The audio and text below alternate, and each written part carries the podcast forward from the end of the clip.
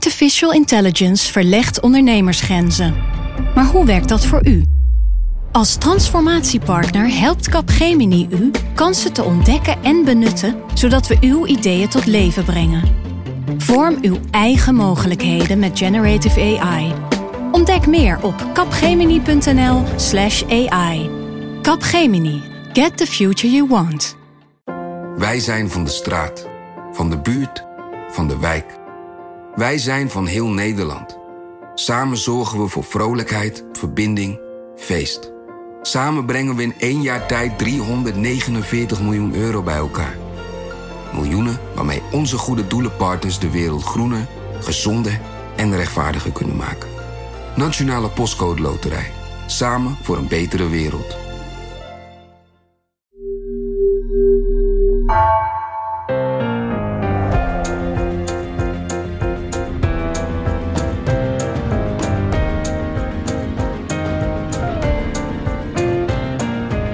Dit is Haagse Zaken van NRC. Mijn naam is Lemia Aharwai. Ruim een maand geleden werden de bewindspersonen van Rutte 4 beëdigd en sindsdien zitten ze in de dagelijkse politieke molen met kamerdebatten en kamervragen beantwoorden en werkbezoeken en mediaoptredens. En voor sommigen van hen is het Binnenhof een nieuwe wereld. Zij waren tot februari geen minister of staatssecretaris. Soms hadden ze zelfs helemaal geen politieke achtergrond. Philip de Witwijnen die volgde en sprak de afgelopen weken, dagen, een paar van die nieuwe bewindspersonen. En zag van dichtbij hoe zij hun eerste stappen zetten op het landelijke politieke toneel. En het stuk daarover staat komende week in NRC. En als je de afgelopen weken luistert naar Haagse Zaken, dan weet je ongeveer wat er nu gaat komen. Alle NRC-journalistiek wordt mogelijk gemaakt door onze betalende abonnees. Dank als je er daar een van bent. En ook als je dat recent geworden bent. We zien dat een aantal van jullie via nrc.nl slash hz een abonnement heeft afgesloten. Wil je ons ook steunen en kun je het je veroorloven? Kijk dan ook welk abonnement bij jou past. En dat kan dus op nrc.nl slash hz. Oké, Filip, eerst in hoofdlijnen. Waar heb je eigenlijk op gelet de afgelopen tijd? Nou, ik heb eerst vooral gelet op uh, met wie hebben we eigenlijk allemaal te maken. Want er zijn uh, van de 29 bewindslieden 18 nieuwe zegt heel veel, hadden we wel eens eerder geconstateerd. Dus ook voor mij en voor jou, voor, ieder, voor alle journalisten, nieuwe namen, nieuwe gezichten. En dan... je, wacht, wacht. Eigenlijk breng je me nu op het idee om hier even een soort van testje bij... Ah, bij, uh... het was al moeilijk bij het laatste kabinet dat al die uh, personen wisselden aan het eind en weggingen. Oké, okay, waar, wie is de nieuwe minister van Binnenlandse Zaken en Koninkrijk? Uh, Hanke Bruinslot van het CDA. Oké, okay, wie doet sociale zaken en werkgelegenheid? Dat is Karine van Gennep van het CDA. Ja, wie is buitenlandshandel en ontwikkelingssamenwerking? Dat is Liesje Schijnemacher van de VVD. Rechtsbescherming? Dat is Frank Weerwind van D66. Wat doet Jette? Uh, die is minister voor klimaat. Oké, okay, ik heb er nog eentje. Wie is de minister voor sport? Uh, dat is, uh, ik zeg mevrouw Helder, want ik ben de voornaam even vergeten. Connie, ja. Connie Helder. Oh nee, wacht, wacht, nog eentje. Als je deze weet, dan... dan ik, heb, ik, heb, al eeuwig respect voor je, maar dan de staatssecretaris van Justitie en Veiligheid. Uh, dat zijn er, ik heb twee namen in mijn hoofd die ik niet weet welke portefeuille ze hebben. Ik zeg, ik gok op Van den Burg. Ja, jeetje meneetje. Van de VVD. Heel goed, Filip. Nou, deze test heb je met vlag en wimpel doorstaan. Weet je zijn voornaam niet? Erik. Erik van den Burg. Waar heb je op gelet? Sorry, nog een keer. Nou ja, ik wilde dus weten uh, wie zijn het eigenlijk allemaal. En toen ben ik, um, ik was zelf een paar weken uh, zeg maar thuis uit de running, corona en dat soort dingen. Dus ik heb heel veel uh, debatten gekeken en, en, televisie gekeken. En ik dacht, ik wil die mensen leren kennen. Dus ik heb wat gesprekken uitgezet. En toen viel me al vrij snel op dat eigenlijk iedereen wel wilde praten, wilde meedoen, wilde kennis maken. Ze zijn bezig met kennismaken in Den Haag met iedereen. Met hun het allereerste departement, met de collega's in de ministerraad, met de Tweede Kamer. Maar daar horen ook journalisten bij. Daar worden ook uh, bijeenkomsten voor georganiseerd. Maar we zijn la als laatste aan de beurt. Dus vanaf volgende week zijn er pas van dat soort kennismakingsgesprekken, geloof ik, uh, ook in groepjes met andere media. Er zijn ook al kennismakingsgesprekken één op één. Ja, één op één zijn ze wel. Ja. Maar ik heb dus het initiatief genomen. Maar ze vonden het leuk. Dus ik, heb, ik kon ze opvangen na een debat vaak. Uh, na een eerste debat. Ik kon meekijken. Ik kon ze opvangen naar de ministerraad. Ik wilde gewoon weten, ik, ja, wat. Ik, ik, keek naar ze, maar ik wilde vooral weten uh, nou ja, of, ze dat, of ze heel snel hun weg vonden. Of ze wisten waar ze moesten gaan zitten, uh, wie ze moesten aanspreken, waar ze naar moesten kijken. Uh, en er, waren, er gebeurden wel grappige dingen, leuke, onwennige dingen. zeg maar zoals een, een brugklasser voor de eerst met een grote tas op een grote middelbare school binnenkomt. Dat, dat, zag ik hier ook wel, ja. Want het was helemaal niet zo'n makkelijke week voor veel van die ministers, hè? die, eerste, die eerste periode in ieder geval. Want je had Hoekstra, nou, die had als minister van Buitenlandse Zaken meteen te maken met een dreigende oorlog aan de Oekraïns-Russische grens. Dan had je Zielkus. Die had zich uitgesproken over de handhaving van coronaregels, moest daar volgens op terugkomen. Minister van Justitie. Exact. En dan had je nog, uh, nou wat, is, wat was er nog meer? Oh ja, die verstrekkende uh, uitspraak van de Hoge Raad over uh, de vermogensbelasting. Ja, daar komen we zo nog even op terug. Hans Velbrief, de nieuwe staatssecretaris Mijnbouw, die over het gasdossier gaat, die kreeg een leuke erfenis van zijn voorganger Stef Blok. Die had gezegd, we gaan de gaskraan nog even opendraaien.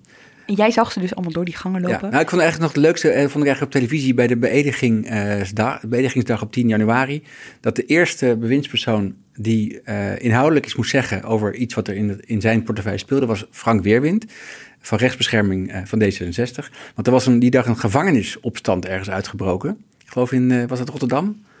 En toen moest hij daar meteen iets van vinden. En hij had ook meteen uh, gezegd, ja, ik heb uh, even gebeld met, de, nou ja, uh, met, de, met de, nou niet de meldkamer, het crisisteam en met de directie. dus hij, moet, hij, hij, had nog net niet, hij had net zijn vingers alweer in zijn, in zijn zak gestoken en toen mocht hij meteen aan de bak. Ja, dat was de dag van de beëdiging. Ik kan me ook nog herinneren dat hij toen best wel eerlijk zei ook van, hè, ik weet, ik ben pas begonnen, ja. ik laat me informeren, weet je wel. Dat was allemaal nog best wel voorzichtig ook wel, ja. Dat valt me overigens op hoor, dat, dat deze bewindspersonen die ik heb gezien en gevolgd, dat ze allemaal ook wel hun kwetsbaarheden durven, te, durven te uiten. Oké, nou, we gaan niet alle nieuwelingen bespreken. Je hebt er gewoon een paar. Ik heb er zeven, acht ongeveer gevolgd en, uh, uh, en gesproken. Laten we beginnen met de staatssecretaris voor Cultuur en Media van D66. Dat is uh, Gunay Oesloe. En zij is een totale buitenstaander, niet in de culturele wereld. Daar, daar komt ze vandaan. Als, als wetenschapper en als, als bestuurder, commissaris. En zij moest ook nog, net als vorige keer bij Menno Snel, uh, moest ze ook nog even lid worden van de partij. Ze heeft wel tot D66 gestemd, zegt ze. Maar uh, toen uh, Rob Jette haar had gebeld om te vragen voor deze functie, toen moest ze nog wel even lid worden. Was dat Jette die haar belde, ja? Niet Kaag, niet de partijleider? Um, ik begreep dat Jette haar had gebeld en dat okay. ze pas daarna, want ze kende Jette al. Jette was, die kende ze een beetje. Maar verder de rest kende ze helemaal niemand en ze heeft Kaag laten leren kennen. Ja, en wat, hoe, hoe heeft zij haar eerste weken, wat, wat zag jij en hoe heeft zij het ervaren? Nou, wat ik bij haar leuk vond, dat ze echt zei, oprecht zei, ik kende helemaal niemand. Ze kende wel mensen uit de lokale politiek. Uh, ze komt uit Amsterdam of uit de buurt van Amsterdam. Ze kende daar nou, de mensen waar ze mee te maken had, had gehad in haar werk. Maar ze heeft één, uh, één uh, nou, niet eens politieke vriend, maar een, een, een bekende van haar, een goede bekende van haar, is een is een nestor bij D66. Dat is Alexander Rinoy-Kan, voormalig uh, Eerste Kamerlid. En heeft tal van andere functies gehad. Zo dus iemand die bestuurlijk Nederland goed kent. Ja, echt een, uh, echt een uh, ervaren bestuurder en een ervaren politicus. En die zaten samen in de raad van toezicht van het Filmmuseum AI. Dus zij, zij dacht, en, en ze hebben een soort wandelclubje. Ze wandelen vaak samen. Dus ze dacht, ik ga met hem eens even wandelen en zeggen dat ik door Rob Jette ben gebeld. wat nu?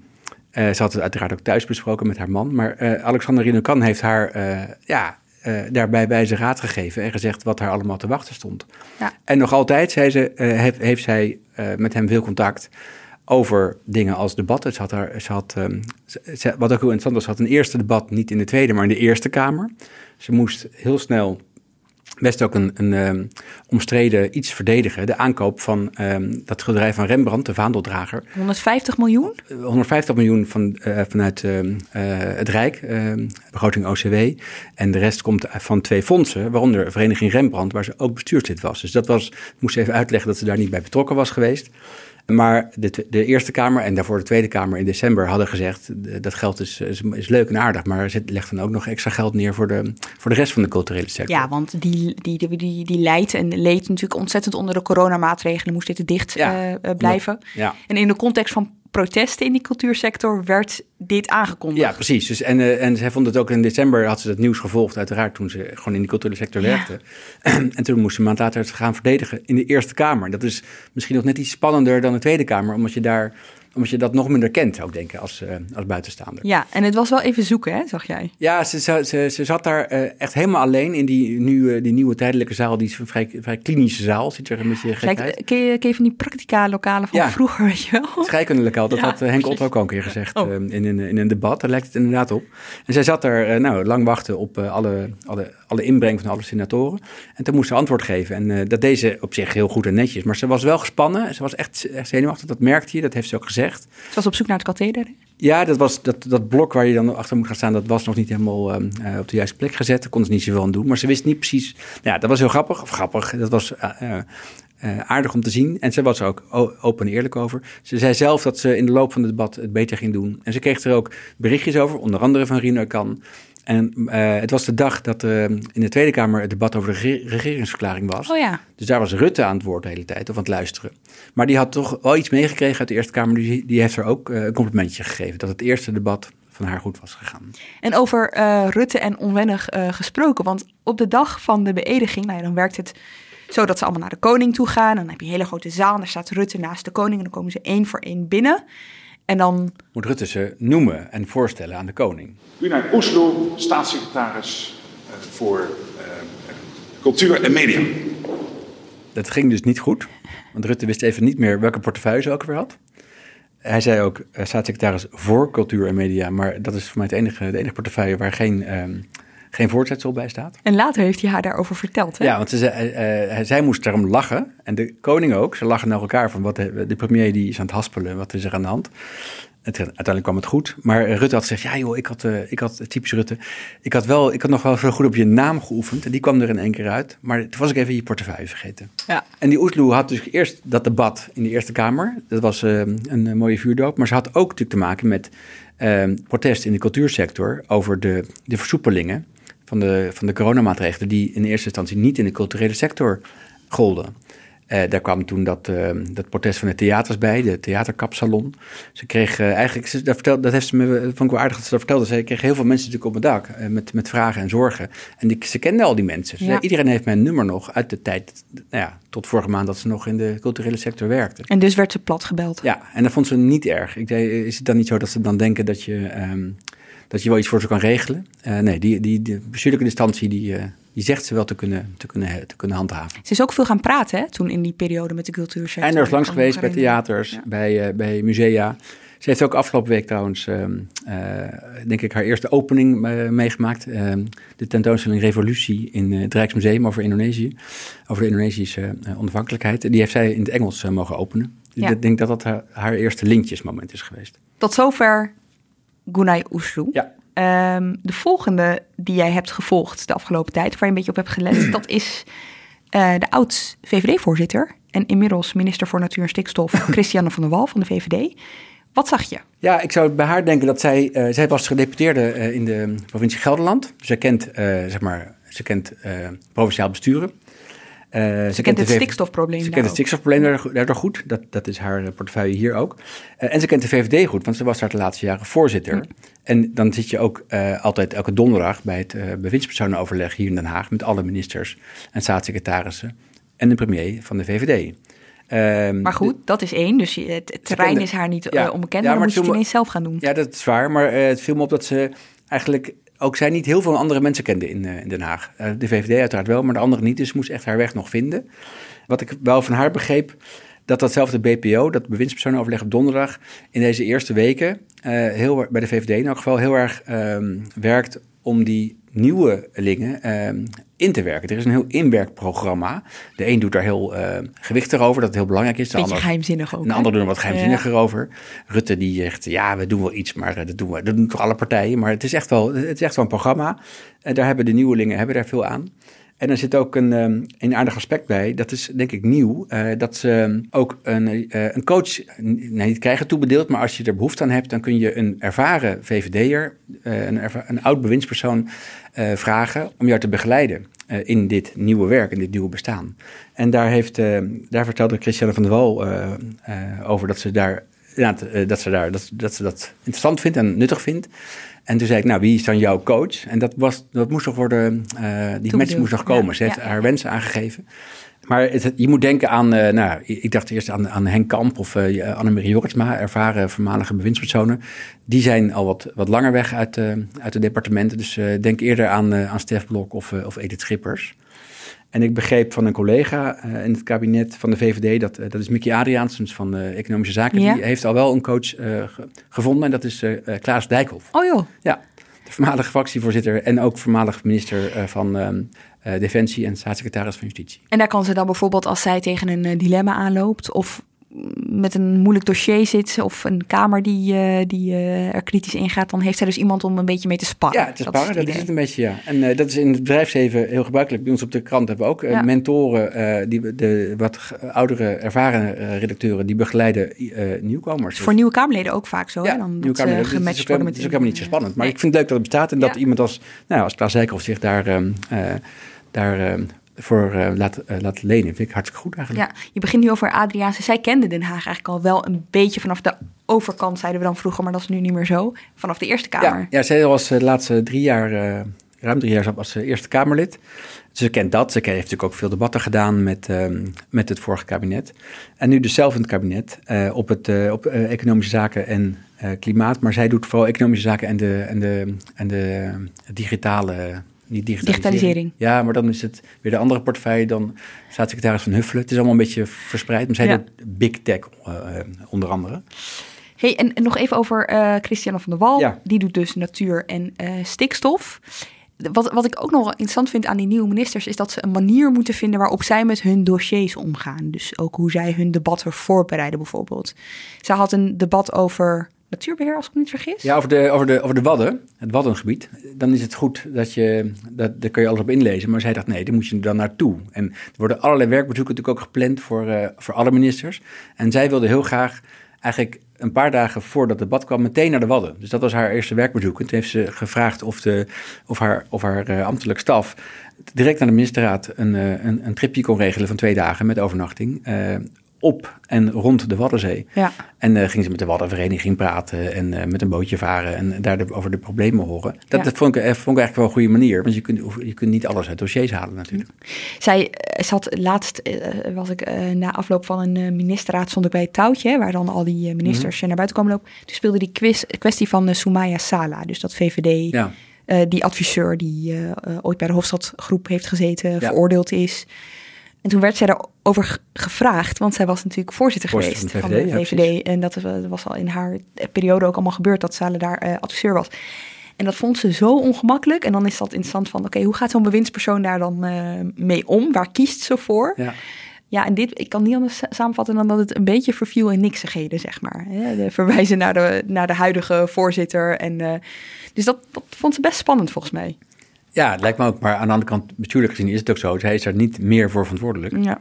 Uh, ik, uh, bij de ministerraad, uh, even uitloop gisteren, werd um, Hugo de Jonge bevraagd over iets van zijn vorige portefeuille en het, het OMT. En dat vond hij heel vervelend. Want het, nu is het, pakken Jan van Ernst Kuipers niet meer van hem. Ja, dus, dat is dan vaak ook het standaard antwoord, hè? Ja, dat valt ja, niet meer het is heel mijn, begrijpelijk. Wel, wel frustrerend voor journalisten. Wat, wat me ook opvalt bij, die, bij, eigenlijk bij alle ministers met een portefeuille die um, over, ja, heel algemeen gesteld, over dingen gaan, niet over geld.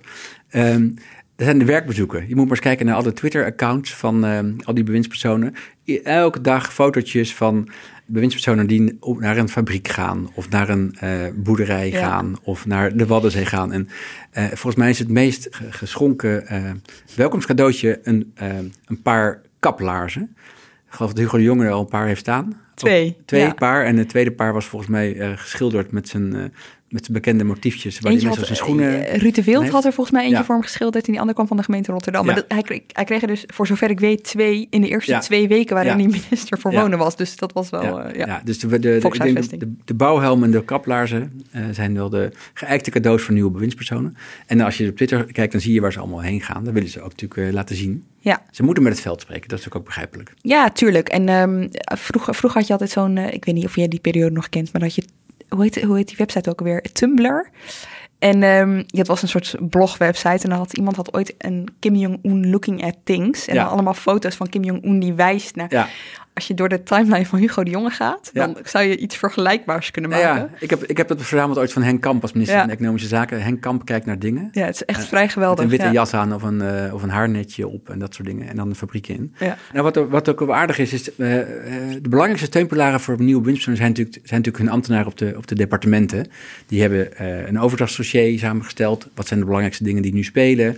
Maar ook welke mensen moet je snel leren kennen. Voor welke mensen moet je nu tijd nemen en welke mensen kunnen misschien wat langer wachten. En dan heb je dan uh, over mensen in de politiek of buiten de politiek? Uh, geldt vooral voor mensen in eerste instantie op het ministerie. Oh ja. Welke ambtenaren Uh, nou ja, doe naartoe. Zijn nu belangrijk om eventjes te spreken, met kennis te maken. En buiten het ministerie, dan heb ik niet over politici, maar over ehm, ja, de lobby, de organisaties waar je kennis mee maakt. Wat ze dan de, de partners noemen of de, mm. of de stakeholders. Nog veel lelijker wordt. Het zijn natuurlijk gewoon vaak lobbygroepen. Um, en de, de, ambtenaren die maken daaruit een selectie van wat zijn nu belangrijke uh, partijen waar je mee moet praten. Daar gaan we als eerste naartoe, of, daar, of die laten we eerst als eerste langskomen. En dat is niet willekeurig. Ik denk dat, dat grote clubs uh, eerder belet krijgen bij de minister dan, dan kleinere clubs. Aan de andere kant, als er nu dingen spelen, bijvoorbeeld de Wadden, dan, is het, dan hebben de Wadden voorrang op, uh, laten we zeggen, Zuid-Limburg. Wat ik wel interessant vind, is dat zo'n minister op dat moment dus eigenlijk, ik kan me voorstellen, vooral in de eerste weken, als je nieuw bent in Den Haag, volledig steunt op dat ambtelijke apparaat en op al het advies dat je krijgt. Mhm. En er moet een omslagpunt komen. Bij de een misschien wel, bij de ander zal dat misschien helemaal niet zo zijn. Dat ze meer zelf daar prioriteiten in gaan aanbrengen, bijvoorbeeld. Weet je wel? Uh, zelf accenten willen gaan leggen. Ja, omdat voor mij is het moeilijkste, dat heb ik een van de ministers horen zeggen, is dat je als je zo je op dat kantoor zit, op het eh, ministerie zit, op het departement, dat je dan het um, contact met de buitenwereld verliest. Dat je je verzandt in die ambtelijke molen met paparassen en ambtenaren. En op een gegeven moment krijg je natuurlijk ook zelf, um, je hebt de behoefte om zelf het veld in te gaan of Ehm, van Kamerleden eh, te horen waar, ze, waar zorgen zijn, waar problemen zijn, waar knelpunten zijn, waar je iets aan wil doen. Je leest je in en je denkt, ik, ik vind dit het belangrijkste probleem bijvoorbeeld. Ja, ja. En Kamerleden, ik heb ook met veel Kamerleden gesproken hoe die kennismaking verloopt. En die zijn dus ook geneigd om nu al dingen uh, in te steken. Om te zeggen, uh, Michiel van Nispen van de SP, die heeft een initiatiefplan, een initiatiefwet. En hij, wil, hij zegt, dat ligt niet bovenop het stapeltje bij Frank Weerwind, de minister um, van Rechtsbescherming. Maar als ik hem er nu op wijs, dan zal hij er weer gaan denken. Omdat die ambtenaren dat niet hebben klaargelegd. Ja, ja. En Lisa Westerveld uh, van GroenLinks, woordvoerder, uh, die zich heel erg over de jeugdzorg ontfermt en de problemen daar, die heeft met de kennismaking met staatssecretaris um, Van Ooyen van de ChristenUnie, die daarover gaat, die er onder andere over gaat, gezegd: uh, er zijn problemen met een aantal, uh, noem ze ook namen van patiënten of van de ouders van patiënten. Cases, ja. Cases. En ik vind dat, dat je daar nu iets voor aan moet doen. Dat zijn best natuurlijk confronterende verzoeken en eisen. Want dat is een kwestie van behandeling of niet behandeling. En ook wel soms een kwestie van leven of dood. Ja over die ambtenaren gesproken. Dan, daarna gaan we door naar de volgende bewindspersoon. Eh, zij uh, maken natuurlijk altijd inwerkdossiers hè? Uh, voor nieuwe aantredende bewindspersonen. Dat gaat dan over, voor een deel zijn die ook vertrouwelijk. Weet je wel, wat, wat er allemaal speelt op het ministerie, waar ze op moeten letten. En onze collega Guus Valk had toen die dossiers allemaal gepubliceerd werden, want die zijn gewoon openbaar voor een deel, had daar een stuk over geschreven, hè, van wat, wat voert nou de boventoon. En een van die dingen was dus de druk die op ambtenaren of die zij voelen, weet je wel. En, dat gaat over het werktempo, onder andere. Maar ook over dat hun rol vaker uitgelicht uh, wordt. Ja, dat. En, en de druk vanuit de Kamer. Uh, dus eindeloze stroom Kamervragen moet natuurlijk allemaal worden beantwoord binnen een bepaald termijn. Soms met enige spoed. Dat kost heel veel tijd voor ambtenaren. Er worden hele teams opgezet om Kamervragen van, nou, laten we zeggen, lid omzicht te beantwoorden binnen een bepaalde termijn. Uh, en, uh, en WOP-verzoeken, zowel van, uh, van burgers als van journalisten als van Kamerleden. Ja. Ehm, WOP-verzoeken, dat is een heel juridisch traject. en in die, in die had Guus in ieder geval een soort rode draad gezien dat daar dat het verzoek toch was aan de nieuwe bewindspersoon van probeer dat een beetje af te remmen. En nu valt dus een beetje op in die eerste debatten dat ministers, staatssecretarissen, staatssecretarissen daar dus best bevattelijk zijn voor die opdracht. Ze nemen hun ambtenaren eigenlijk in bescherming. En de vraag is, hoe lang gaat dat nog duren? Dus dan benoemen ze eventjes hè, van, nou ja, dit, uh, dit vraagt wel heel veel van mijn ambtenaren om deze Kamervragen allemaal binnen de gevraagde termijn bijvoorbeeld te beantwoorden. Ja, dan is de vraag uh, wie bij, met dat arm, armpje drukken wint. De, de, het Kamerlid of de Kamerleden of, uh, of de ambtenaren. Ja. En hoe lang die uh, boodschap dus nog blijft klinken bij zo'n minister. Oké, de volgende. Vivianne Heijnen, staatssecretaris van Infrastructuur en Waterstaat van het CDA. Zij komt uit, uh, uit Maastricht, was daar uh, wethouder en daarvoor raadslid. Kent Den Haag ja, vanuit die rol misschien wel, maar eigenlijk niet goed. En die komt op deze portefeuille samen met haar minister Infrastructuur en Waterstaat is, is Mark Harbers van de VVD. Heel goed. Die moet, die moest ze ook er even leren kennen. Zij kennen natuurlijk alleen eigenlijk de CDA'ers hier in Den Haag. Um, en jij volgde haar eigenlijk vooral specifiek op één dag. Ja, en was meteen... ik heb haar eerste dag in de, in de Kamer gevolgd. En dat was echt een hele zware dag voor haar. Behalve dat ze met mij um, even moest praten. Dat is inderdaad heel zwaar, ja. Dat was heel zwaar. Maar ze had daarvoor drie debatten achter elkaar. En dat waren weliswaar korte debatten. Namelijk zogeheten twee minuten debatjes. Die duren wel iets langer dan twee minuten. Maar... Zeker, maar de Kamerleden krijgen twee minuten spreektijd. En dan worden er heel snel nog even één of twee vragen gesteld. En dan wordt er een motie ingediend. Dan is er even kort pauze. Schorsing. Dan mag de staatssecretaris in dit geval even zich terugtrekken met de ambtenaren om die antwoorden daarop te, te formuleren. En dan terug naar uh, de Kamer om die te beantwoorden. En had ze er drie achter elkaar over drie totaal verschillende onderwerpen. Over het spoor, spoorwegen waar ze over gaat. Er werd bijvoorbeeld gevraagd door de PvdA of de, nou, ik weet niet hoe de brug heet, maar de spoorbrug in Maastricht uh, kon worden behouden, gerenoveerd, ja. uh, et cetera. er was een, het, een debat over emissierechten of emissie van CO2-uitstoot. En er was een debat over circulaire economie. Er zijn dus echt hele verschillende onderwerpen. Ja. Dan moeten ze dus inlezen op alle drie die onderwerpen. Ja. Het viel me op dat ze dikke stapels papieren bij zich had, grote mapjes. En uh, ik zag haar bij de uitgang uh, na de, de, derde debat. En toen een grote stroom, een groep, groep ambtenaren, die kwam uh, haar tegemoet gelopen. En die waren allemaal opgelucht en blij en complimenteus dat ze het goed had gedaan. Nou, en daar viel jou iets op in die drie debatten, dat er eigenlijk het lerend vermogen met het debat toenam. Ja, dan moet je gewoon maar even luisteren, want dat is heel, was aandoenlijk om te zien. Het eerste debat die dag. Dus het woord is aan de staatssecretaris. Ja.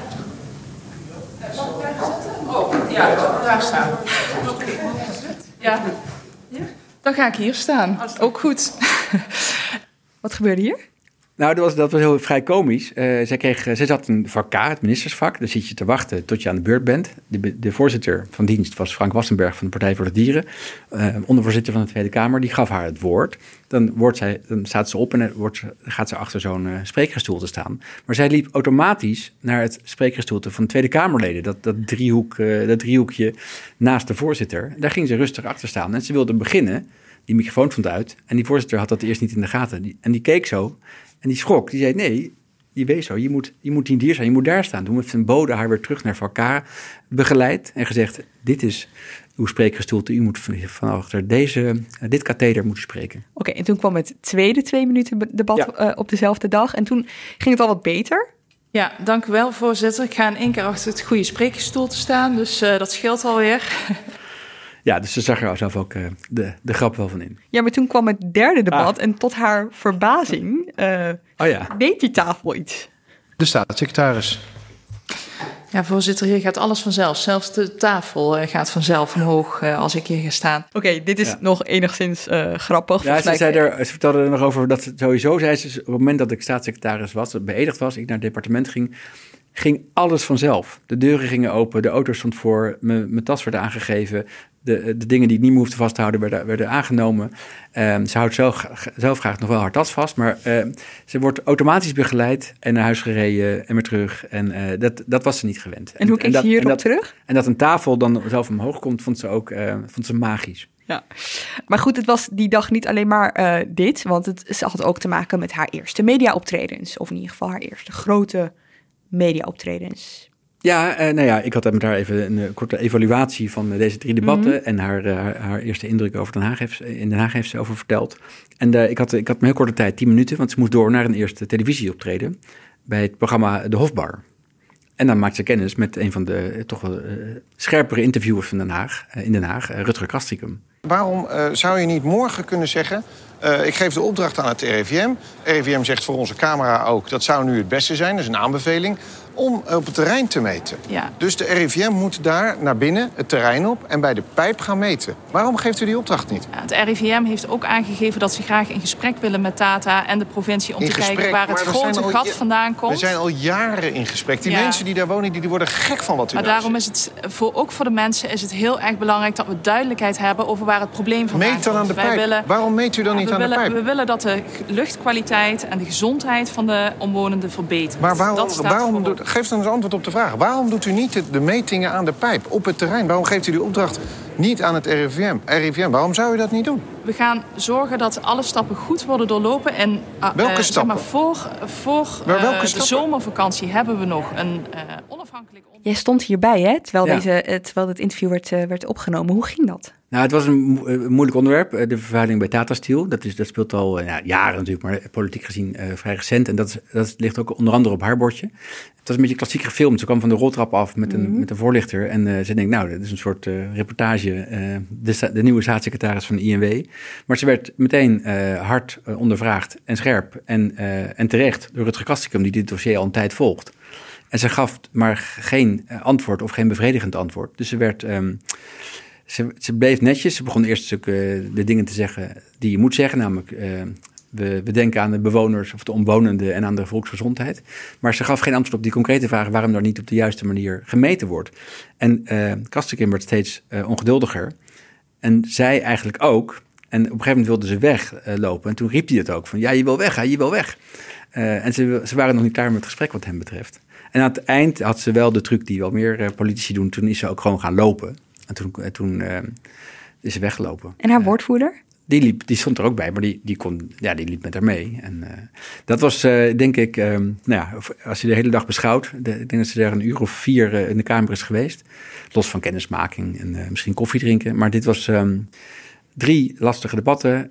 niet de weg weten in de, in de plenaire zaal. En, en een confrontatie met Rutger Kastium. Daar zag je dus ehm, ja, onwennigheid van Ja, en ik denk ook buitengewoon leerzaam. Gaan we naar een eh, oude bekende op het Binnenhof, Marnix van Rij. De Ja. staatssecretaris Fiscaliteit en Belastingdienst van het CDA. Ja, niet, niet geheel onomstreden, omdat hij zelf eh, belastingadviseur is geweest, jarenlang, bij een van de grote belastingadvieskantoren. en dat zijn de kantoren die in Nederland belastingconstructies eh, slim weten op te tuigen voor grote bedrijven en eh, vermogende mensen. Eh, hij moet dan, ja, het klimaat is er ook een beetje van Nederland, moet van het imago eh, van eh, belastingparadijs af. Ja, En daar zijn- moet hij voor zorgen, maar hij zegt, Nederland is geen Dat belastingparadijs. waren zijn eerste woorden waarmee hij meteen onder vuur kwam. Volgens mij was hij toen nog niet eens beëdigd. Hij was pas langs geweest bij Rutte Ja, in het logement om Het was te nog bij zijn sollicitatiegesprek Ja, eigenlijk. ja. Eh, en ehm, er is in, ooit in de Tweede Kamer een motie aangenomen die die, die, die stelling wel eh, bevestigt. Nederland is een belastingparadijs. Dus, en en het, het is de ambitie van het kabinet om ongewenste belastingconstructies eh, onmogelijk te maken. Nou, dat moet hij gaan doen, dus dat wordt lastig. Maar goed, eh, hij kent het dossier wel goed, dat is weer een voordeel. Hij was jarenlang senator en ehm, woordvoerder fiscaliteit, financiën voor het CDA. Ehm, maar goed, hij heeft hij kreeg geen warm welkom in de Tweede Kamer. Want hij moest meteen aan de bak, twee weken na de beëdiging, op twee lastige dossiers. Eer, ten eerste werd hij bij het, eh, vraaguurtje opgeroepen. We weten allemaal dat de inflatie hoog opgelopen is. Dat het vooral te merken is in de energieprijzen en brandstofprijzen. En hij kreeg vragen van een Kamerlid van Denk of niet de accijnzen, belastingzaak, de benzine moesten worden verlaagd. Nou, Van Stefan van Baarle. van Stefan Denk. van Baarle van Denk. En het, daar ging je helemaal doorheen en toen moest, hij toch, moest hem toch nog even iets van het hart. Dank u wel. Dan wil ik de staatssecretaris van Financiën van harte bedanken voor zijn vuurdoop eh, vandaag eh, Ja. in onze Kamer. Ik dacht dat dat morgen zou zijn. Ja. Ja, we hebben het een, eh, een dagje vervroegd. Nou, dit ga ik even uitleggen. Die vuurdoop was inderdaad een dag later gepland. Want toen kwam het, eh, het, het eerste debat over eigenlijk de, grote, de eerste grote lastige kwestie voor het kabinet. Fin- enorme financiële tegenvaller van enkele miljarden, mogelijk tientallen miljarden. Dit wordt een gigantisch hoofdpijndossier. Ja, dat gaat over de vermogensrendementsheffing, zeg maar de eh, indirecte vermogensbelasting in Nederland. Die is door de, eh, door, de, door de Hoge Raad eigenlijk geblokkeerd. De formule die daarvoor bedacht is door het vorige kabinet, eh, die, of door het Rutte, ja, Rutte 2 nog, ehm, door Erik Wiebes, die is onwettig verklaard door de Hoge Raad. Dus de Belastingdienst en de, minister, de staatssecretaris van, eh, van de Financiën heeft deze belastingssoort moeten, moeten stopzetten, waardoor mensen met veel spaargeld of vermogende mensen, rijke mensen, geen vermogensbelasting meer betalen. Nou, het is natuurlijk politiek buitengewoon Ja. gevoelig in een land waar de vermogensongelijkheid alleen maar toeneemt en toe is genomen de laatste jaren. Ook nog iets, daar schreef onze collega Rick Rutte over, waar de coalitie anders over denkt. Precies. Of waar in de coalitie anders over wordt gedacht. Want dat is een gat in een begroting nu van 4, 5 miljard. Eh er moeten mensen gecompenseerd gaan worden. Dat gaat misschien eh 10, 20 miljard kosten. Ehm, heel lastig. Eh, wie moet dat gaan betalen? Eh, want het is een gat in de begroting. Moet je het weer bij dezelfde vermogende mensen op gaan halen? Of moeten alle belastingbetalers daar mee gaan doen? Mensen die werken, jij en ik. Eh, dat vinden de, de meeste partijen ook niet heel erg eh, eerlijk. Hij moest daar over, eh, over tekst naar uitleg geven. En dat was een lastig debat. Waarbij mij opviel, tot slot nog even over dit alle nieuwe bewindspersonen die binnenkwamen in de Kamer, we kregen altijd van alle sprekers een warm welkom. Welkom aan de nieuwe staatssecretaris, welkom aan de nieuwe minister. We wensen u succes, ook al zullen we het niet altijd eens zijn. Maar bij Van Rij was het meteen hard erin gekletst, eh, geklapt met lastige vragen. Ja, met gestrekt been erin. Dus zijn echte vuurdoop kwam eigenlijk een dag later na die ongeplande vuurdoop in het Ja. vraaguur, zal ik maar zeggen. Hoe, hoe hield hij zich daar? Want hij is natuurlijk geen onbekende in de politiek. Ehm, Ja, ik moet zeggen aan Lubbers denken. Oh, een van zijn, vast, denk een van zijn leermeesters. want hij, ehm, hij, hij blinkt uit in heel veel tijd nemen voor zijn antwoorden. Langzaam spreken, heel goed uitleggen. Bijna een soort college gaat hij geven als een soort saaie, in slaap leraar wiskunde. Dat doet hij. En dan gaat hij het hele belastingstelsel uitleggen waar, je, waar niet om gevraagd wordt. En dan ehm, ben je eigenlijk als vraagsteller alweer vergeten wat je gevraagd had en wat hij ook weer had moeten terugzeggen. Dus je moet heel erg goed opletten als je niet al eh, in slaap bent gevallen. Daar is hij heel goed in. En vooral ook geen toezeggingen doen. Niks, eigenlijk niks, niks doen, niks, niks beloven. En dan zet hij daar wel uh, uren te praten. Dus met je mix van Hugo de Jonge, van lang, lang praten en van wolligheid uh, van, uh, van uh, Ruud Lubbers. Weet, je wat mij, weet je wat mij echt opvalt aan Marnix van Rij? Dat vind je echt een fascinerend iets. Ik ken weinig mensen die over zichzelf praten in de derde vorm. Ja, ja voorzitter, ik begrijp de gedachte. deze staatssecretaris gaat hier niet nu bout portant toezeggingen op dat punt doen, maar hij verwijst wel naar het coalitieakkoord waar het nodige over de onbelaste reiskostenvergoeding is gezegd. Wie praat zo? Alsof ik over mezelf. Nou ja, anyway, dit viel mij dus heel erg op. Nog één ding even over wat je net zei: zo'n moeilijk debat. Uh, nieuw, nieuwe uh, staatssecretaris in dit geval, maar goed, je, het geldt ook voor ministers. Ja, je kan je natuurlijk inlezen, wekenlang.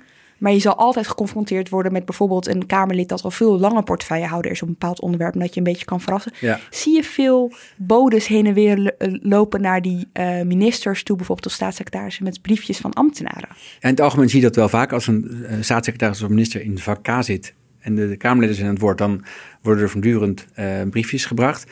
Uh, een van de staatssecretarissen die ik sprak, dat is um, uh, Oesloe, waar we het net over hadden, die, die vertelde ook in de Eerste Kamer bij dat debat dat zij ook niet precies wist wat ze allemaal uh, kon zeggen of toezeggen. Dus daar kwamen steeds instructies van, uh, van ambtenaren, die volgens mij ook niet in de zaal zelf zitten, maar die zitten mee te kijken. Dus dat gaat dan via bodes.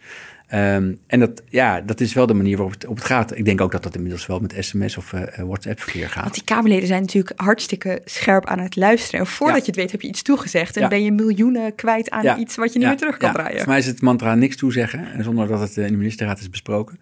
En ik heb ook erg gelet op, uh, overigens op Sigrid Kaag uh, afgelopen week. Die had een, een groot financieel debat over de startnota. De, de begrotingsregels van het nieuwe kabinet. En ik had, was heel benieuwd hoe zij dat zou gaan doen. Zij, uh, haar wordt verweten dat ze geen dat ze daar niet geschikt voor is, omdat ze geen, um, omdat ze niet zoals Dijsselbloem of uh, Wouter Bos of um, Hoekstra uit, uh, nou ja, een soort zakelijke verleden heeft. Dat vond ik een beetje flauw, want ze heeft ook wel degelijk um, economie en politiek gestudeerd. En ze, heeft, is minister geweest. Dus, maar ik was wel benieuwd hoe zij een debat met, nou ja, met mensen als Pieter Omtzigt, Ilko Heijnen, Pieter Grinwis, allemaal financieel experts van, uh, uh, van de Tweede Kamer, hoe zij over begrotingstechniek zou gaan spreken. Maar het debat werd uh, afgebroken omdat het te lang duurde. Dus dat gaat pas volgende week verder. Of over twee weken. Dus, ja, maar daar gebeurde iets interessants. Hè? die, dat debat, dat werd dus halverwege gestopt. Het werd gestopt omdat het, het zou dreigen uit te lopen na, uh, tot na 11. En dat is eigenlijk de afspraak om niet meer tot na 11 te, te vergaderen. En ze wilde niet de minister in haar verhaal onderbreken. Dus het is stopgezet ja. na de termijn van de Kamer. En dus we hebben, ik moet nog steeds wachten op het, uh, op het college van Sigrid Kaag over, uh, over de Rijksbegroting. Nou, daar heb, heb nog even geduld. Ja. Um, de volgende persoon is wel interessant omdat, kijk, je hebt als minister dat je te maken kan krijgen met media, omdat de onderwerpen waar jij verantwoordelijk over bent ineens hoog oplopen. Ja. Maar het kan ineens ook dat je zelf in het middelpunt van de belangstelling komt te staan, al was het in dit geval kortstondig, bij Henk Staghouwer, de minister van Landbouw, Natuur en Voedselkwaliteit van de ChristenUnie. Ja, die kreeg uh, twee weken geleden uh, de, opeens een headline op teletext en op uh, nu.nl dat er in zijn vorige functie als uh, gedeputeerde in Groningen, dat er uh, onderzoek wordt gedaan naar een bepaalde gronddeal die omstreden zou zijn geweest en die uh, de provincie miljoenen zou hebben gekost onnodig. ja, en dan moet je waarschijnlijk, er gaan er dan belletjes in Den Haag van de Kamer, van het departement. Ik denk ook wel van de algemene zaken van, hey, wisten we dit? hadden we dit moeten weten? Kun je het uitleggen? Ik heb hem uiteraard ook gevraagd en hij zei, dat was voor mij niet nieuw, want dat had in de lokale uh, media al lang gestaan en dat, dat, de, dat de Provinciale Rekenkamer dat onderzoek gaat doen, dat was ook al bekend. Hij deed er erg ehm, luchtig, over. luchtig over. Hij was niet geschrokken, zei hij. Ik was er niet bij toen hij s ochtends ehm, dat, die headline op zijn telefoon kreeg. Um, het lijkt me best lastig als je als eerste minister dat krijgt. Uh, dat je iets over het verleden opeens wordt op, uh, opgerakeld of opeens in de, in de media komt. Dan moet je toch uh, mee kunnen dealen. Hij deed er tegen mij vrij um, ontspannen over. En toen je hem toch sprak, toen ben je meteen gaan vragen naar hoe was dat eigenlijk de eerste paar weken? Nou, want hij was over iets anders minder ontspannen. Dat vertelde hij heel eerlijk. Hij had al na één week had hij een, een commissievergadering. Dat is geen plenair debat, maar een, een debat met alleen met de commissie in een kleinere zaal.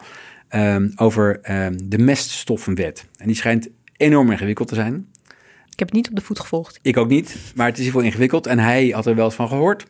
Maar hij eh, wist ook, het is heel ingewikkeld. Ik moet een debat gaan doen met, uh, met uh, ervaren Tweede Ja. Kamerleden op het, dossier, landbouw, eh, het landbouwdossier. Geurts ehm, van het CDA bijvoorbeeld, die hij kende hij wel, maar die kende hij al wel, maar die eh, weet veel meer van dit dossier dan hij. Dus hij, hij was echt nerveus en hij gaf ook toe dat hij er minder van had geslapen.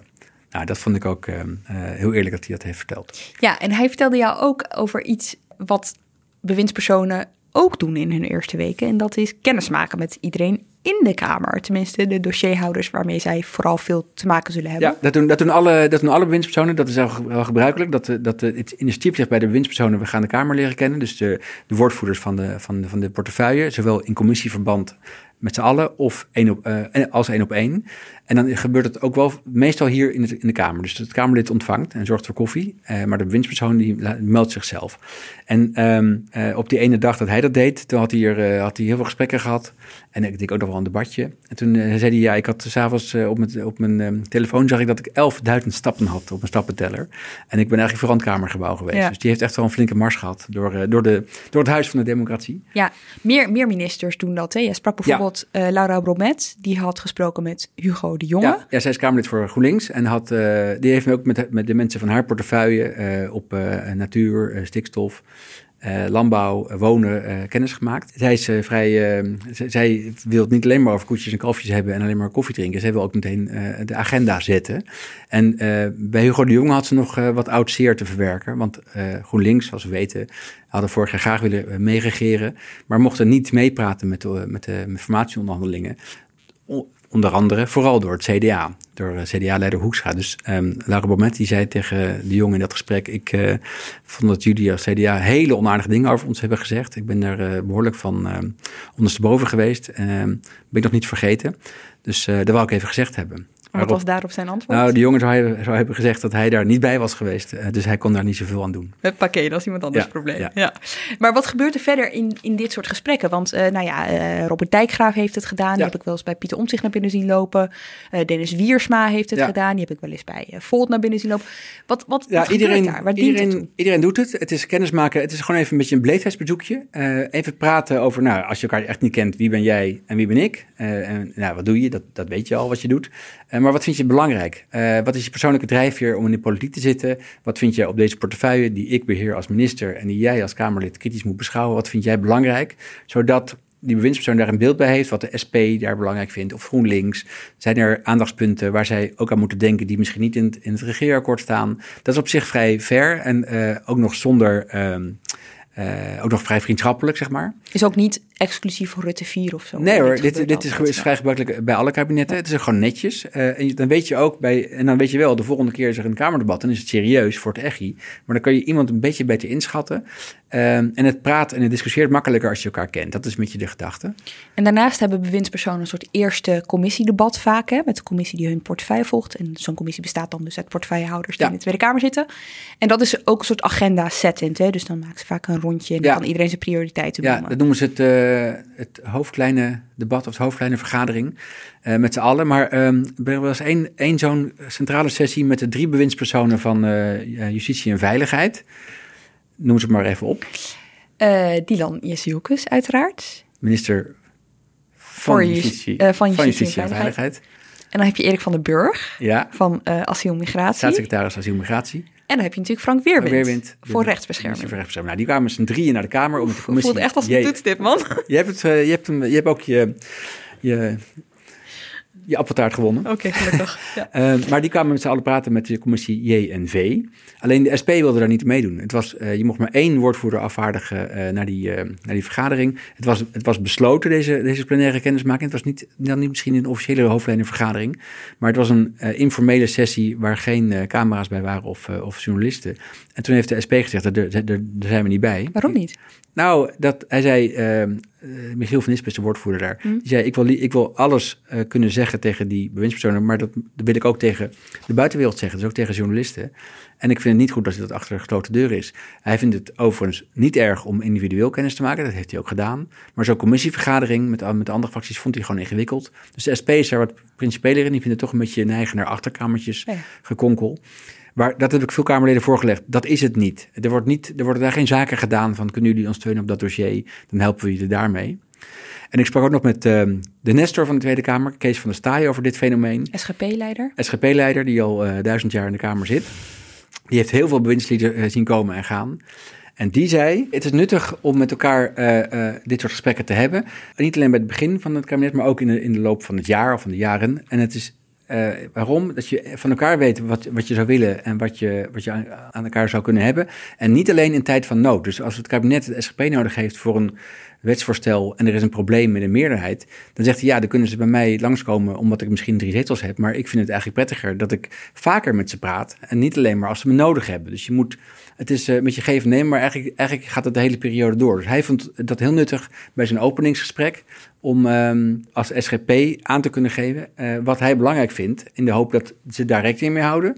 En dat ze niet alleen maar rekening met je wensen houden als het nodig is. Ja, maar goed, dan is het dat eerste gesprek is dan dus niet echt een geven en nemen gesprek, zeg maar. Maar daar wordt wel het zaadje geplant voor als het later nodig Ja, is. bijvoorbeeld SP die wijst op, ik heb een initiatiefnota, kijk daar eens naar. Ja. Eh, Van der Staaij die, die had het over een, ehm, een, een instelling in, eh, geloof ik, Krimp aan de IJssel, die zich bezighoudt met ehm extra gedetineerden die terug moeten keren naar de samenleving. La- laat Frank Weerwind daar ook eens kennis mee maken. Dat, eh, dat vond hij gewoon nuttige dingen. Hey, de laatste persoon waar ik het met je over wil hebben is Maarten van Ooyen. ja. We hebben het al eventjes over hem gehad natuurlijk. eh, in het voorbeeld dat je noemde met eh Lisa Westerveld. Hij is staatssecretaris op het departement van Volksgezondheid, Welzijn en Sport. Komt van de ChristenUnie. Hij is echt mega jong, hè? Hij is 31, eh, meen ik. Dat is mega jong. piepjong. Ja, hij was wethouder ook 31 in, in, in Utrecht. Heel goed om te Daar, daar was hij ook al heel eh, jong mee begonnen. Ja, en die, ehm, voor hem is ook eigenlijk alles nieuw. Hij kent uiteraard eh, zijn, ehm, zijn vrienden en vriendinnen van de ChristenUnie. Dus hij heeft heel veel aan Gert-Jan Segers, de, de partijleider. Hij heeft veel aan Carola Schouten, die al minister was. Ehm, Vicepremier. vicepremier is. Hij heeft veel aan zijn voorganger op VWS, waar die, eh, Paul Blokhuis, heeft hij lang mee gesproken. Twee keer zelfs op de dag van de, van de overdracht, maar ook nog een keer daarna.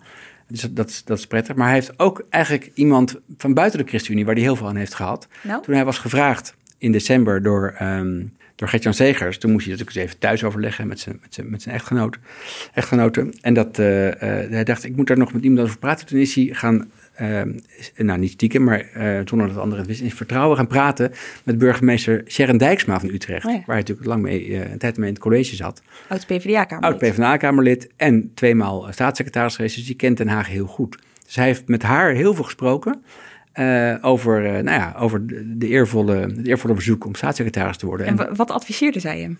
Nou, zij had, eh, heeft natuurlijk iets over de politiek verteld, over hoe Den Haag werkt, maar ook vooral praktische, eh, praktische tips. Vooral omdat hij zo jong is, hij heeft een jong gezin, twee jonge kinderen.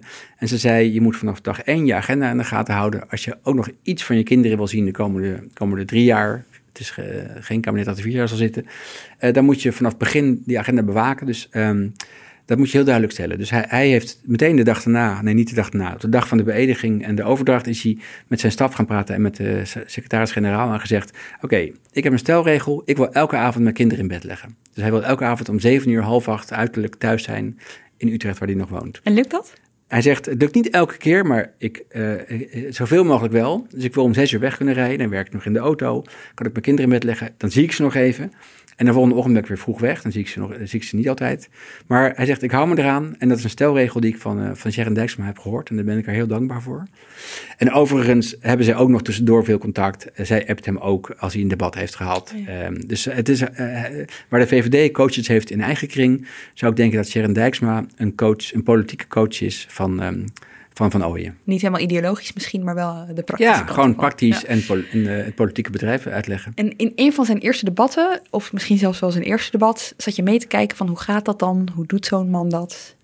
En toen Ja. dat de gewenning niet alleen van zijn kant kwam. Nee, nee, iedereen moet altijd een beetje wennen aan de nieuwe mensen en de nieuwe namen. En eh dan wordt zo'n zo'n vergaderzaaltje, het was een commissievergadering ingericht. En er was een bode, die moest de bordjes eh, neerzetten van alle Kamerleden. En daar zit de voorzitter. En de voorzitter zat er al, dat was eh, Kamerlid Smals van de, van de VVD. En toen zei die bode, zei tegen, die, tegen Smals, hé, we krijgen van Ooyik. En toen zei Smals, ja, van Ooyik. Nee, niet van Ooyik, van Ooyen. Dus eh, de, Staatssecretaris, ja, staatssecretaris. de terugkeer van Bram van Ooyek van GroenLinks was eventjes voorspeld. Leek daar. even Ja, aangekondigd. ja. En waarbij ze allebei moesten eh, erkennen dat ze nog aan de naam moesten wennen. En, eh, maar goed, en vervolgens ging, kwam Van Ooyen binnen en niet Van Ooyek. En toen heeft hij, hij had nog niet alle, alle Kamerleden leren kennen van die commissie. Dus hij ging iedereen een boxje geven ter kennismaking. En Renske Leijten zat erbij van de SP en die zei, ah, heel goed een box. U weet dat ik heel goed kan boksen. Dus hij was ook meteen gewaarschuwd voor de, de debattechnieken van, van, eh, van Renske Leijten, zet ik maar zo horen. Wat ik nog wel ehm, bijzonder vond, dat had Van Ooyen, dat had Oesloe trouwens ook eens. Je hebt ze dus allemaal gesproken, dat ze dan vertellen over het moment dat ze dan zitten in vak K, of eh, bij Oesloe was dat dan volgens mij in de Eerste Kamer. Dat ze dan denken, oh, ik zit hier nu. Dit is nu mijn taak. Ja, en ze vinden dat eh, machtig en mooi, maar vooral, vooral, eervol dat zij dit mogen doen. Dat hoor je vaak. Het is een beetje een cliché, maar ik denk dat het wel, denk je dat ook wel hebt als je met je vingers in de lucht voor de koning staat, voor de beëdiging. Maar als je dan voor het eerst zo'n optreden hebt in, een, in de plenaire zaal of in de commissiezaal en je weet dat er camera's op je zijn gericht, dat, dat het, het land kan meekijken en dat het morgen in de krant kan staan of op televisie komt. En dat, ik denk dat je dan wel voelt van het is een bijzondere, bijzondere baan. En eh, ik, ik vind iedereen die ik sprak, vond ik zeer energiek en enthousiast, maar ook, eh, ook trots dat ze dit, eh, dit doen. En dat ze, ze, ze, ze, roemen ook het teamgevoel. Rutte heeft, heeft ook alweer, premier Rutte heeft ook alweer, nou ja, proberen de sfeer goed te houden in het kabinet. Met, met, er waren nog geen ge- uitgebreide eten- en dranksessies, want dat, dat mag nog niet. Maar wel wat ehm, kennismakingsrondjes. Iedereen moest een, moest verhaal vertellen. Dat, eh, dat, dat, dat waarderen ze allemaal zeer. Ze hebben het gevoel dat ze met z'n allen staan. En er zijn natuurlijk heel veel dossiers die ze ook met, met meerdere ministers moeten oplossen. Er was een debat, ik geloof zelfs over de Wadden, waar vier bewindspersonen zaten. Ja. Bij corona zaten, zitten er ook altijd drie of vier. Dus, Ja. ehm, Maar goed, dit is zeg maar, oké, natuurlijk is het eervol, want je, je, je bent ineens minister of staatssecretaris. Tegelijkertijd is de politieke context er ook één waarin het vertrouwen in de politiek mega laag is, eh, waarin eh, gevoelige dossiers elkaar soms lijken op te volgen, weet je wel, waarin je van incident naar incident gaat, waarin er altijd camera's klaarstaan. Dat element van Ja, winstpersoon ja. zijn. Ja, het, eh, de, ik heb daar niet uitvoerig met ze over gesproken. Het waren allemaal maar, eh, nog maar korte kennismakingen. Eh, het is wel iets waar ze natuurlijk van tevoren rekening mee, hebben moeten houden... toen ze dat, gesprek, dat sollicitatiegesprek hebben gevoerd... of daarover moesten nadenken. Nou ja, en eh, ik was met een van de ministers die ik eh, afgelopen weken heb gesproken... was, ehm, wa- was ik koffie gaan drinken. Dat was Mickey Adriaanse van de Economische Zaken. En toen waren we op plein gewoon een kop, kop, kop koffie gaan drinken. En dat was voor haar eigenlijk... ehm, nou, eh, niet nieuw, maar ze zei, ja, ik, heb, ik heb eigenlijk eh, sinds ik minister ben nog niet eh, op het terras kunnen zitten, omdat ze het heel druk heeft. Ja. Maar ze zei ook, toen zei ik, vooral, en, en word je al, wordt u al herkend als u op straat loopt? Toen zei ze, nee, nee, gelukkig niet. En dat wilden ze eigenlijk, wilden ze eigenlijk zo lang mogelijk zo houden. Want dat is natuurlijk wel een element. Als je een bekende politicus wordt en je doet dingen die niet iedereen leuk vindt, dan, dan kan het ook tegen je, tegen je gaan werken. Filip, je hebt ze dus gezien in de Kamer, daarbuiten, in media-optredens. Ehm, er is één plek waar je ze overigens niet hebt kunnen zien. En dat is bij, dat hoort ook helemaal aan het begin als je net bent beëdigd, bij de kennismaking met de koning. Ja, volgens mij gaan ze allemaal langs eh, nog een keer bij. Zijn ze geweest, Ze hebben de beëdiging Ja. gehad, maar ze gaan daarna nog een keer voor een persoonlijk gesprek. En daar mogen ze niet over praten. Ik heb ze er ook niet over bevraagd, dus dat lag misschien aan mij. Maar je ziet wel, als je ook weer door die Twitter-accounts heen gaat, dan zie je dat ze er wel vrolijk over twitteren. Zoals eh, Christiane van der Val. En, en jij had Hugo de Jonge ook eh, in, in het paleis gezien met de koning. Daar zullen we, het- nou ja, ik heb de foto ervan gezien. Ja, de foto. Ja, ja, kon niet bij het gesprek zijn helaas. Oké, tot zover. Dankjewel, Filip de Wit Wijnen. Dank ook voor het luisteren. Komende week meer hierover dus in NRC. Deze aflevering is geproduceerd door Iris Verhulstonk. En volgende week is er weer een Haagse Zaken. Tot dan. Je hebt aardig wat vermogen opgebouwd. En daar zit je dan, met je ton op de bank. Wel een beetje saai, hè? Wil jij, als belegger, onderdeel zijn van het verleden of van de toekomst? Bridgefund is een slimme fintech die een brug slaat tussen de financiële behoeften van ondernemers en van beleggers. Dus wie belegt bij Bridgefund krijgt niet alleen een mooie vaste rente, maar brengt ook ondernemers in beweging. Echt waar, met die ton kan je zoveel betere dingen doen. Bridgefund, Make money smile.